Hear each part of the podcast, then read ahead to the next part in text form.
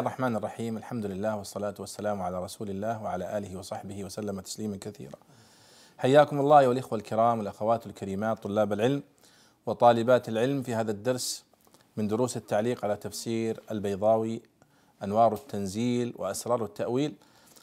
وقد وقفنا عند الآية الرابعة والخمسين بعد المئة من سورة الأنعام. وقد انتهينا من التعليق على آيات الوصايا العشر التي في سورة الأنعام. وكان تعليقا مختصرا وجيزا. وهذه الآيات آيات عظيمة جديرة بأن تفرد بالشرح والتفسير والبيان وما فيها من البلاغة والأسرار. آه نبدأ اليوم من قوله تعالى ثم آتينا موسى الكتاب تماما على الذي أحسن وتفصيلا لكل شيء. نبدأ على بركة الله يا أحمد. بسم الله والحمد لله والصلاة والسلام على رسول الله صلى الله عليه وسلم. قال الإمام البيضوي رحمه الله ثم آتينا موسى الكتاب تماما على الذي أحسن وتفصيلا لكل شيء وهدى ورحمة لعلهم بلقاء ربهم يؤمنون. ثم آتينا موسى الكتاب عطف على وصاكم وثم للتراخي في الإخبار أو للتفاوت في الرتبة كأنه قيل ذلكم وصاكم به قديما وحديثا. ثم أعظم من ذلك أن آتينا موسى الكتاب تماما للكرامة والنعمة. على الذي أحسن على من أحسن القيام به ويؤيده أن قرئ على الذين أحسنوا أو على الذي أحسن تبليغه وهو موسى أو تماما على ما أحسنه أي أجاده من العلم والشرائع أي زيادة على علمه إتماما له. وقرئ بالرفع على أنه خبر مبتدأ على أنه خبر مبتدأ محذوف. أي على على الدين الذي هو أحسن أو على الوجه الذي هو أحسن. ما يكون عليه الكتب وتفصيلا لكل شيء وبيانا مفصلا لكل ما يحتاج إليه في الدين وهو عطف على تماما.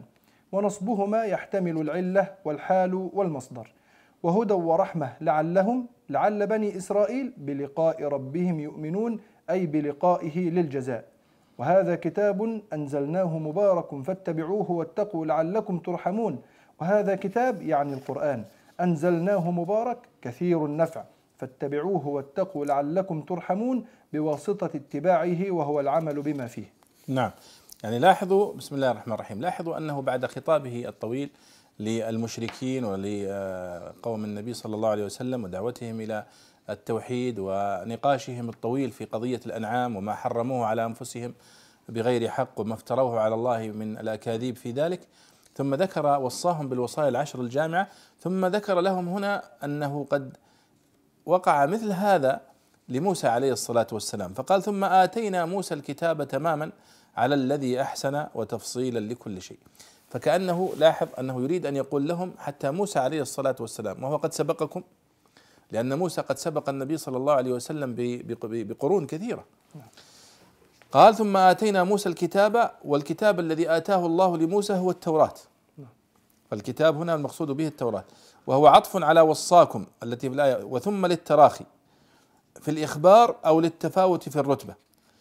التراخي في الإخبار معناتها ليس معناتها أن ثم آتينا موسى لأن موسى جاء بعد هؤلاء المشركين لا موسى قد سبقهم لكنني أخبرهم بهذه الوصايا ثم أخبرهم بقصة موسى مع أنها سابقة لهم في الزمن. كأنه قيل ذلكم وصاكم به قديما وحديثا. ثم أعظم من ذلك أن آتينا موسى الكتاب تماما للكرامة والنعمة. على الذي أحسن وتفصيلا لكل شيء. على الذي أحسن فيها أقوال. يعني على من أحسن القيام به. على الذي أحسن يعني على من أحسن القيام به وهو كل من أحسن القيام بهذه الوصية التي وصى بها موسى موسى وغيره. ويؤيده أن قرئ على الذين أحسنوا وهي قراءة ذكرها الفراء في معاني القرآن وغيره لم ينسبها إلى أحد. أو على الذي أحسن تبليغه وهو موسى. أو تماما على ما أحسنه أي أجاده من العلم والشرائع أي زيادة على علمه وإتماما له. وقرئ بالرفع يعني تماما على الذي أحسن. أو على الوجه الذي هو أحسن ما يكون عليه من الكتب. طيب إذا البيضاوي ذكر كل الأوجه وتفصيلا لكل شيء يعني وبيانا مفصلا لكل ما يحتاج إليه في الدين وهو عطف على تماما. ولاحظوا هنا أن هذه هي وظيفة الكتب السماوية التفصيل والبيان الهداية والإيضاح. أول ما ذكر الله في القرآن الكريم من طلبات الناس اهدنا الصراط المستقيم. نحن نطلب الهداية. وقال في أول سورة البقرة ذلك الكتاب لا ريب فيه هدى للمتقين. لأن البشر من غير الوحي في ضلال مبين. ولذلك وصف الله نبيه صلى الله عليه وسلم بأنه قبل الوحي قال ووجدك ضالا فهدى. ألم يجدك يتيما فآوى ووجدك ضالا فهدى. وفي آية أخرى قال ما كنت تدري ما الكتاب ولا الإيمان. فأنت قبل الوحي في ضلال لكنك بعد الوحي في هدى. كذلك هنا في قوله ثم آتينا موسى الكتاب تماما على الذي أحسن وتفصيلا لكل شيء وهدى ورحمة لعلهم بلقاء ربهم يؤمنون. يعني لعل بني إسرائيل بلقاء ربهم يؤمنون بلقائه وجزائه. فما جاء به النبي صلى الله عليه وسلم لقومه من الهداية والبيان والتفصيل جاء به موسى لبني إسرائيل وجاء به عيسى لبني إسرائيل وجاء به من سبقهم. ثم قال الله خطاب للنبي صلى الله عليه وسلم ولقومه وهذا كتاب والإشارة هنا للقرآن العظيم. وهذا كتاب أنزلناه مبارك فاتبعوه. يعني القرآن أنزلناه مبارك والمبارك هو كثير النفع كثير البركة. فاتبعوه واتقوا لعلكم ترحمون باتباعه وهو العمل بما فيه. ولاحظوا هنا قد يقول قائل لماذا سمى الله القرآن كتابا قبل أن يكون كتابا؟ يعني هو الآن يقول هذا كتاب وهو لم لم يكن كتابا في ذلك الوقت كان مسموعا فقط مقروءا والنبي صلى الله عليه وسلم إذا نزل الوحي يأمر بعض الصحابة بكتابته فلم يكتمل ولم يصبح كتابا. يقول محمد عبد الله دراز تسميته كتابا إشارة إلى ما سيكون من حاله. بأنه سوف يكون مكتوبا في الكتب ومتلوا بالألسنة عندما سماه قرآنا. مقروء بالألسنة ومكتوب في الكتب بتسميته كتاب. طيب نعم. قال رحمه الله أن تقولوا إنما أنزل الكتاب على طائفتين من قبلنا وإن كنا عن دراستهم لغافلين. أن تقولوا كراهة أن تقولوا علة لأنزلناه إنما أنزل الكتاب على طائفتين من قبلنا اليهود والنصارى. ولعل الاختصاص في إنما لأن الباقي المشهور حينئذ من الكتب السماوية لم يكن غير كتبهم. وإن كنا إن هي المخففة من الثقيلة. ولذلك دخلت اللام الفارقة خبر كان أي وإنه كنا. عن دراستهم قراءتهم. لغافلين لا ندري ما هي أو لا نعرف مثلها. أو تقول لو أن أنزل علينا الكتاب لكنا أهدى منهم. فقد جاءكم بينة من ربكم وهدى ورحمة فمن أظلم ممن كذب بآيات الله وصدف عنها سنجزي الذين يصدفون عن آياتنا سوء العذاب بما كانوا يصدفون. أو تقولوا عطف على الأول لو أن أنزل علينا الكتاب لكنا أهدى منهم لحده أذهاننا لحدة لحدة أذهاننا وثقابة أفهامنا ولذلك تلقفنا فنونا من العلم كالقصص والأشعار والخطب على أن أميون. فقد جاءكم بينة من ربكم حجة واضحة تعرفونها وهدى ورحمة لمن تأمل فيه وعمل به. فمن أظلم ممن كذب بآيات الله بعد أن عرف صحتها أو تمكن من معرفتها وصدف أعرض أو صد عنها. فصل فضل أو أضل سنجزي الذين يصدفون عن آياتنا سوء العذاب شدته بما كانوا يصدفون بإعراضهم أو صدهم. نعم. يقول الله سبحانه وتعالى مخاطبا النبي ومخاطبا قومه وهذا كتاب أنزلناه مبارك فاتبعوه واتقوا لعلكم ترحمون أن تقولوا أي لئلا أن تقولوا أي كراهة أن تقولوا علة لأنزلنا إنما أنزل الكتاب على طائفتين من قبلنا اليهود والنصارى. ولعل الاختصاص في إنما لأن الباقي المشهور حينئذ من الكتب السماوية لم يكن غير كتبهم. يعني الذين سبقوا النبي صلى الله عليه وسلم من الأنبياء كثيرون. نوح وإبراهيم ولوط وصالح وهود و لكن المشهور في زمن النبي صلى الله عليه وسلم من الأنبياء السابقين والكتب السابقة كان اليهود والنصارى. فكان التوراة والإنجيل هما أشهر كتابا كتابين في ذلك الوقت. فهذا هو سر قوله إنما أنزل الكتاب على طائفتين من قبلنا وإلا فقد أنزل على طوائف كثيرة. وإن كنا إن هي المخففة من الثقيلة ولذلك دخلت اللام الفارقة خبر كان. وإن كنا عن دراستهم لغافلين هذه اللام التي دخلت. لا ندري ما هي أو لا نعرف مثلها. أو تقول لو أن أنزل علينا الكتاب لكنا أهدى منهم. طبعا هذه كلها يعني افتراضات. حتى لا تقولوا كذا أو تقولوا كذا. وأنزلنا كتاب مبارك ليتعملوا به. أو تقولوا عطف على الأول لو أن أنزل علينا الكتاب لكنا أهدى منهم لحدة أذهاننا وثقابة أفهامنا. ثقابة الأفهام مأخوذة من يعني اتقادها من ثقبة النار تثقب ثقوبا إذا اشتعلت. يقال هذا يعني ذهنه ثاقب يعني متقد. لذلك تلقفنا فنونا من العلم كالقصص والأشعار والخطب على أن أميون. هذا كلام العرب. فقد جاءكم بينة من ربكم يعني حجة واضحة تعرفونها وهدى ورحمة لمن تأمل فيه وعمل به. فمن أظلم ممن كذب بآيات الله بعد أن عرف صحتها أو تمكن من معرفتها. هذا استفهام إنكاري يعني لا أحد أظلم ممن كذب بآيات الله وصدف عنها يعني أعرض عنها لأن يصدف بمعنى يعرض. سنجزي الذين يصدفون عن آياتنا سوء العذاب أي أشده بسبب صدف يعني بسبب إعراضهم بما كانوا يصدفون أي بسبب إعراضهم أو صدهم عن الهدى. نعم. قال رحمه الله هل ينظرون إلا أن تأتيهم الملائكة أو يأتي ربك أو يأتي بعض آيات ربك؟ يوم يأتي بعض آيات ربك لا ينفع نفسا إيمانها لم تكن آمنت من قبل أو كسبت في إيمانها خيرا. قل انتظروا إنا منتظرون. هل ينظرون؟ أي ما ينتظرون. يعني أهل مكة. وهم ما كانوا منتظرين لذلك. ولكن لما كان لما كان يلحقهم لحوق المنتظر شبهوا بالمنتظرين. إلا أن تأتيهم الملائكة ملائكة الموت أو العذاب. وقرأ حمزة والكسائي بالياء هنا وفي النحل. أو يأتي ربك أي أمره بالعذاب أو كل آياته. يعني آيات القيامة أو الهلاك الكلي لقوله أو يأتي بعض آيات ربك يعني أشراط الساعة. وعن حذيفة والبراء بن عازب كنا نتذاكر الساعة إذا طلع علينا رسول الله صلى الله عليه وسلم فقال ما ما تذاكرون؟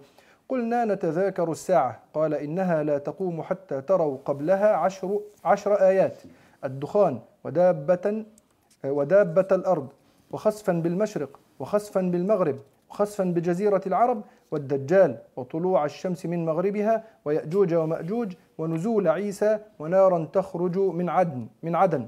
والله أعلم. يوم يأتي بعض آيات ربك لا ينفع نفسا إيمانها كالمحتضر إذا صار الأمر عيانا والإيمان برهانيا. وقرئ تنفع بالتاء لإضافة الإيمان إلى ضمير المؤنث. لم تكن آمنت من قبل صفة صفة نفسا أو كسبت في إيمانها خير خيرا عطف على آمنت. والمعنى أنه لا ينفع الإيمان حينئذ نفسا غير مقدمة غير مقدمة غير مقدمة إيمانها أو مقدمة أو مقدمة إيمانها غير كاسبة في إيمانها خيرا. وهو دليل لمن لم يعتبر الإيمان المجرد عن العمل وللمعتبر تخصيص هذا الحكم بذلك اليوم.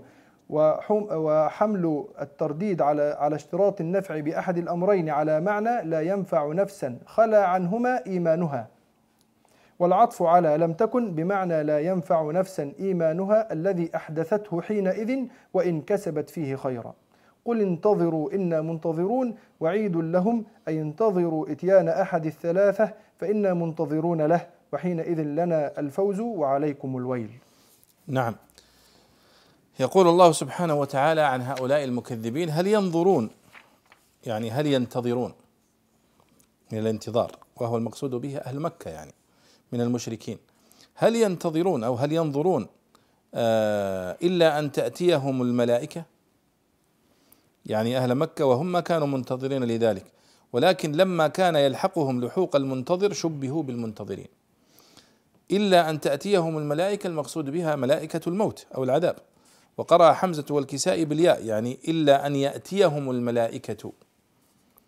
هنا وفي النحل كما يقول البيضاوي. فهي كأن الله يقول ماذا يقنع هؤلاء المكذبين المشركين؟ ماذا ينتظرون؟ هل ينتظرون إلا أن تأتيهم هل ينظرون إلا أن تأتيهم الملائكة؟ أو يأتي ربك أو يأتي بعض آيات ربك. لاحظ يا شباب آه، عندما قال الله أو يأتي ربك. قال البيضاوي أي أمره بالعذاب أو كل آياته فالبيضاوي لا يريد أن يقول يأتي ربك حقيقة. كما في سورة الفجر. وجاء ربك والملك صفا صفا فهو إثبات لصفة الإتيان والمجيء لله سبحانه وتعالى. هنا البيضاوي يقول أنه يأتي ربك أي يأتي أمر ربك وهذا غير صحيح. بل نحن نقول يأتي ربك على الوجه الذي يليق به سبحانه وتعالى. نعم. وهذا إثبات لصفة الإتيان والمجيء لله سبحانه وتعالى. وليس إتيان أمره وإنما إتيانه سبحانه وتعالى. قال أو يأتي بعض آيات ربك يعني أشراط الساعة. وأشراط الساعة هي علاماتها هي علاماتها. وذكر البيضاوي هنا حديث حذيفة والبراء بن عازب وهو حديث رواه مسلم في كتاب الفتن.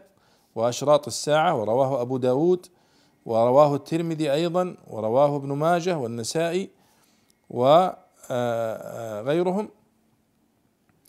آه، لكنه ليس من رواية البراء بن عازب وإنما من رواية حذيفة. قال كنا نتذاكر الساعة إذ طلع علينا رسول الله صلى الله عليه وسلم فقال ما تذاكرون؟ يعني تتكلمون في ماذا؟ قلنا نتذاكر الساعة. قال إنها لا تقوم حتى تروا قبلها عشر آيات. وهذا من الوحي الذي أوحاه الله للنبي صلى الله عليه وسلم. الدخان.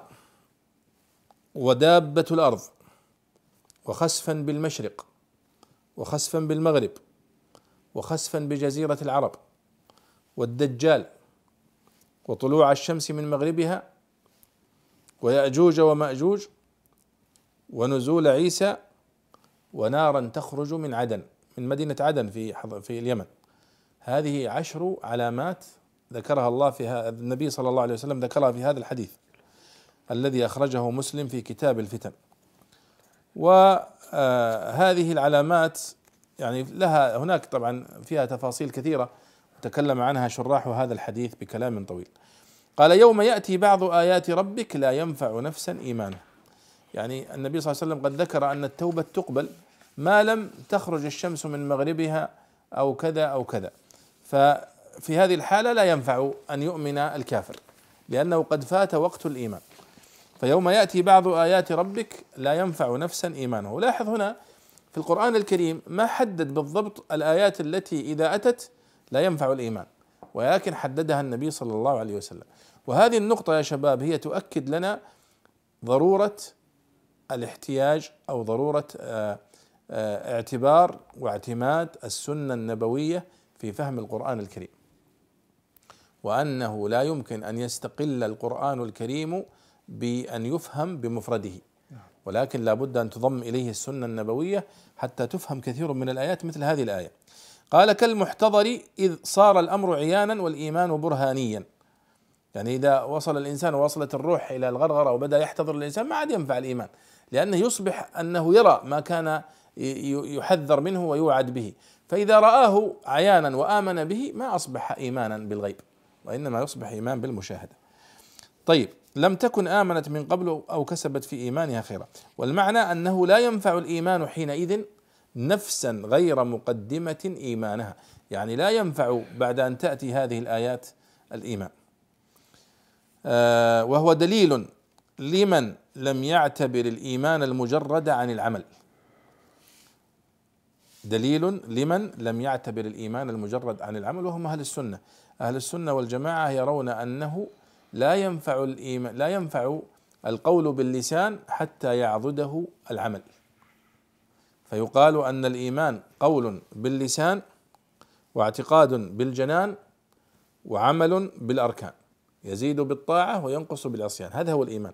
فهو عقيدة في القلب وقول باللسان وعمل بالأركان بالجوارح. تصلي تصوم تحج تعمل.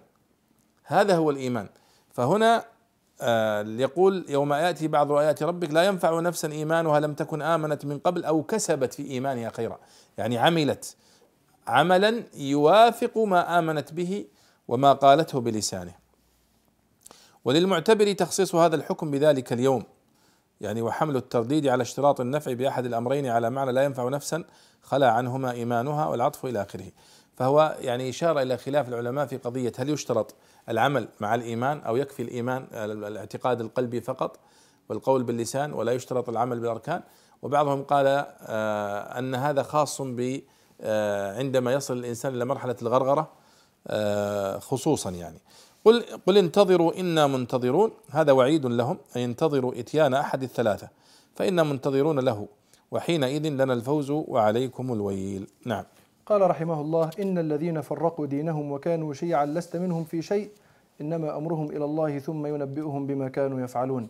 إن الذين فرقوا دينهم بددوه فآمنوا ببعض وكفروا ببعض أو اقترفوا فيه أو وافترقوا. افتروا أو افترقوا فيه. فقال عليه السلام افترقت اليهود على إحدى وسبعين فرقة كلها في الهاوية إلا واحدة. وافترقت النصارى على اثنتين وسبعين فرقة كلها في الهاوية إلا واحدة ويفترق أمتي على ثلاث وسبعين فرقة كلها في الهاوية إلا واحدة. وقرأ حمزة والكسائي فارقوا أي باينوا. وكانوا شيعا فرقا يشيع كل فرقة إماما. لست منهم في شيء أي من السؤال عنهم وعن, وعن تفرقهم أو من عقابهم أو أنت بريء منهم. وقيل هو نهي عن التعرض لهم وهو منسوخ بآية السيف. إنما أمرهم إلى الله يتولى جزاءهم ثم ينبئهم بما كانوا يفعلون بالعقاب. نعم. هذه الآيات يعني ختام سورة الأنعام. يقول الله إن الذين فرقوا دينهم وكانوا شيعا لست منهم في شيء. فرقوا دينهم يعني بددوه فآمنوا ببعض وكفروا ببعض أو افترقوا فيه. وقد أخبرنا النبي صلى الله عليه وسلم أنها قد افترقت اليهود على 71 فرقة والنصارى على 72 وستفترق هذه الأمة على 73 فرقة. قال كلها في النار. إلا واحدة. وهذا الحديث يعني رواه الإمام أحمد في المسند والترمذي وابن ماجه وقال الترمذي حديث حسن صحيح وقال المناوي أخرجه الأربعة بأسانيد جيدة فهو من الأحاديث التي وردت في أكثر مصنفات السنة النبوية وله يسمونه حديث الافتراق وله شروح خاصة.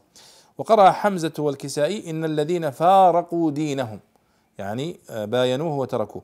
وكانوا شيعا الشيع هي الفرق كل فرقة تشيع وتشايع إماما.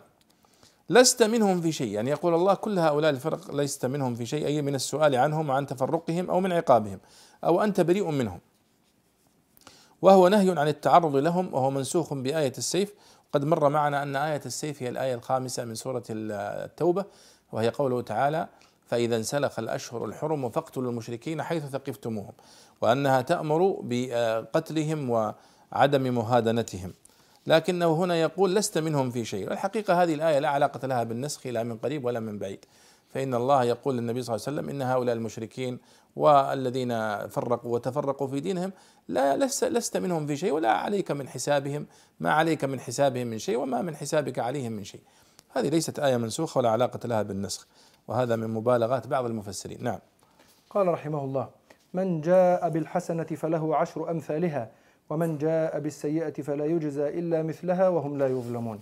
من جاء بالحسنة فله عشر أمثالها أي عشر حسنات أمثالها فضلا من الله. وقرأ يعقوب عشر بالتنوين وأمثالها بالرفع على الوصف. وهذا أقل ما ما وعد ما وعد من الأضعاف. وقد جاء الوعد بسبعين وسبعمائة وبسبعة آلاف وبغير حساب ولذلك قيل المراد بالعشر الكثرة دون العدد. ومن جاء بالسيئة فلا يجزى إلا مثلها قضية للعدل. وهم لا يظلمون بنقص الثواب وزيادة العقاب. نعم. يعني هذه الآية واضحة في أن الله يقول من جاء بالحسنة فله عشر أمثالها إشارة إلى فضله سبحانه وتعالى بأنه يضاعف الحسنة إلى عشر أمثالها إلى سبعمائة ضعف وإلى أكثر من ذلك وسبعمائة وسبعة آلاف إلى غيره. ومن جاء بالسيئة فلا يجزى إلا مثلها وهذا من عدله سبحانه وتعالى وهم لا يظلمون شيئا. نعم. قال رحمه الله قل إنني هداني ربي إلى صراط مستقيم دينا قيما ملة إبراهيم حنيفا وما كان من المشركين. قل إنني هداني ربي إلى صراط مستقيم بالوحي والإرشاد إلى ما نصب من الحجج. دينا بدل من محل إلى صراط. إذ المعنى هداني صراطا هداني صراطا كقوله ويهديكم صراطا مستقيما. أو مفعول فعل مضمر دل عليه الملفوظ. قيما فيعل من قام كسيد من ساد وهو أبلغ من المستقيم باعتبار الزنة باعتبار الزنة والمستقيم باعتبار الصيغة. وقرأ ابن عامر وعاصم وحمزة والكسائي قيما على أنه مصدر نعت به فكان قياسه قوما كعوض فأعل لإعلال فعله كالقيام. ملة إبراهيم عطف بيان لدينا. حنيفا حال من إبراهيم. وما كان من المشركين عطف عليه. قل إن صلاتي ونسكي ومحياي ومماتي لله رب العالمين لا شريك له وبذلك أمرت وأنا أول المسلمين. قل إن صلاتي ونسكي عبادتي كلها أو قرباني أو حجي. ومحياي ومماتي وما أنا عليه في حياتي وأموت عليه من الإيمان والطاعة. أو طاعات الحياة والخيرات المضافة إلى الممات كالوصية والتدبير أو الحياة والممات أنفسهما. وقرأ نافع محياي بإسكان الياء إجراء للوصل مجرى الوقف. لله رب العالمين لا شريك له خالصة له لا أشرك فيها غيرا. وبذلك القول أو الإخلاص أمرت وأنا أول المسلمين لأن إسلام كل نبي متقدم على إسلام أمته. نعم. قل إنني هداني ربي إلى صراط مستقيم دينا قيما. طبعا البيضاوي هنا قال قيما هي فيعل من قام كسيد من سادة وهو أبلغ من المستقيم. أن تقول هذا وأن هذا صراطي مستقيم دينا قيما فكلمة قيم أبلغ من مستقيم كما يقول باعتبار الزنا والمستقيم باعتبار الصيغة. طيب وقرأ ابن عامر وعاصم وحمزة قراءة أخرى قل إنني هداني ربي إلى صراط مستقيم دينا قيما يعني على أنه أيضا مصدر نعت به. طيب ملة إبراهيم هي عطف بيان لدينا. يعني هذا الدين القيم هو ملة إبراهيم عليه الصلاة والسلام حنيفا وما كان من المشركين عليه الصلاة والسلام. لاحظ هنا كيف يرجع هؤلاء إلى دين أبيهم. إبراهيم عليه الصلاة والسلام جدهم إبراهيم عليه الصلاة والسلام أنه جد قريش. قل إن صلاتي ونسكي ومحياي ومماتي لله رب العالمين لا شريك له وبذلك أمرت وأنا أول المسلمين. لاحظ ليست سورة الأنعام مرت فيها الحديث عن الأنعام وعن الذبح لغير الله وعن عدم ذكر اسم الله وإلى آخره. هنا يقول قل إن صلاتي وهذه العبادة ونسكي هذه الذبح. نعم. ومحياي ومماتي لله رب العالمين لأنه قد يقول قائل نحن سنعبده نصلي له لكن حتى في الذبح يتدخل؟ نقول لا. يد يجب أن يراعى في كل ذلك التوحيد. قل إن صلاتي ونسكي عبادتي كلها. هذا قدمه البيضاوي. نعم. أو قرباني يعني الذبح بالذات. أو حجي لأن الحج قوله نسك. لكن الصواب أن الصلاة والنسك هنا النسك المقصود به الذبح لأنه يتراعى يراعى في ذلك السياق الذي مر معنا في السورة. وما أنا عليه في حياتي وأموت عليه من الإيمان والطاعة. قرأ نافع محياي بإسكان الياء. طيب. قل أغير الله أبغي ربا؟ قال رحمه الله. قل أغير الله أبغي ربا وهو رب كل شيء. ولا تكسب كل نفس إلا عليها ولا تزر وازرة وزر أخرى. ثم إلى ربكم مرجعكم فينبئكم بما كنتم فيه تختلفون. قل أغير الله أبغي ربا فأشركه في عبادتي. وهو جواب عن دعائهم له إلى عبادة آلهتهم. وهو رب كل شيء حال في موضع العلة للإنكار والدليل له. أي وكل ما سواه مربوب مثلي لا يصلح للربوبية. ولا تكسب كل نفس إلا عليها فلا ينفعني في ابتغاء رب غير الله ما أنتم عليه من ذلك. ولا تزر وازرة وزر أخرى جواب عن قولهم اتبعوا سبيلنا ولنحمل خطاياكم. ثم إلى ربكم مرجعكم يوم القيامة فينبئكم بما كنتم فيه تختلفون بتبيين الرشد من الغي وتمييز المحق من المبطل. وهو الذي جعلكم خلائف الأرض ورفع بعضكم فوق بعض درجات ليبلوكم فيما آتاكم. إن ربك سريع العقاب وإنه لغفور رحيم. وهو الذي جعلكم آه، خلائف الأرض يخلف بعضكم بعضا. أو خلفاء الله في أرضه يتصرفون فيها على أن الخطاب يتصرفون فيها على أن الخطاب عام. أو خلفاء الأمم السالفة على أن الخطاب للمؤمنين. ورفع بعضكم فوق بعض درجات في الشرف والغنى والعلم والرزق ليبلوكم فيما آتاكم من الجاه والمال. إن ربك سريع العقاب لأن ما هو آت قريب أو لأنه يسرع في إراد في أر لأنه يسرع إذا أراده. وإنه لغفور رحيم وصف العقاب ولم ولم يضفه إلى نفسه ووصف ذاته بالمغفرة وضم إليه الوصف. بالرحمة. ووصف وضم إليه الوصف بالرحمة وأتى ببناء المبالغة واللام المؤكدة. هذا آخر نص اللي عندي. نعم. بقيت يعني كلمة بسيطة نقرأها. آه هذه الآية هي أو الآيتين هي آخر الآيات في هذه السورة العظيمة. قل أغير الله أبغي ربا وهو رب كل شيء. ولا تكسب كل نفس إلا عليها. يعني ولا آه، يقول الله قل أغير الله أبغي ربا. النبي صلى الله عليه وسلم يقول لهؤلاء المشركين هل تريدون مني أن أعبد ربا غير الله سبحانه وتعالى؟ هذا لا يمكن. وهو جواب عن دعائهم له إلى عبادة آلهتهم. لماذا نعبد الله؟ قال وهو رب كل شيء. هي حال في موضع العلة للإنكار والدليل له. أي وكل ما سواه مربوب مثلي فلا يصلح للربوبية. ولا تكسب كل نفس إلا عليها فلا ينفعني في ابتغاء رب غير الله ما أنتم عليه من ذلك. ولذلك قال بعدها ولا تزر وازرة وزر أخرى. يعني كل سوف يتحمل نتيجة فعله. ثم إلى ربكم مرجعكم يوم القيامة فينبئكم بما كنتم فيه تختلفون. قال وفي الآية الأخيرة وهو الذي جعلكم خلائف الأرض. هذا امتنان من الله. أنه جعل البشر خلائف في الأرض يخلف بعضهم بعضا. أو خلفاء الله في أرضه يتصرفون فيها على أن الخطاب عام. والصواب هو الأول أن معنى وهو الذي جعلكم خلائف الأرض يعني يخلف بعضكم بعضا. وهو نفس معنى إن إني جاعل في الأرض خليفة أي إني جاعل في الأرض آه، قوما وبشرا يخلف بعضهم بعضا. ورفع بعضكم فوق بعض درجات ليبلوكم فيما آتاكم. يعني في الشرف والغنى والعلم والرزق فيبتلي الله سبحانه وتعالى بعض الناس على ببعض كما قال في سورة الزخرف ورفعنا بعضكم فوق بعض درجات ليتخذ بعضكم بعضا سخريا. يعني يستخدم بعضكم بعضا. إن ربك سريع العقاب لأنه سبحانه وتعالى آه، قادر سريع العقاب لأن ما هو آت قريب أو لأنه يسرع إذا أراد العقاب سبحانه وتعالى. وإنه لغفور رحيم وصف العقاب ولم يضفه إلى نفسه. ووصف ذاته بالمغفرة وضم إليه الوصف بالرحمة. وأتى ببناء المبالغة في قوله رحيم على وزن فعيل المؤكدة باللام تنبيها على أنه تعالى غفور بالذات معاقب بالعرض. كثير الرحمة مبالغ فيها قليل العقوبة مسامح فيها. ثم ختم البيضاوي تفسيره لهذه الآية بحديث آه، وهو حديث آه، موضوع. قد تقدم معنا في البقرة وفي الفاتحة وفي النساء وفي المائدة.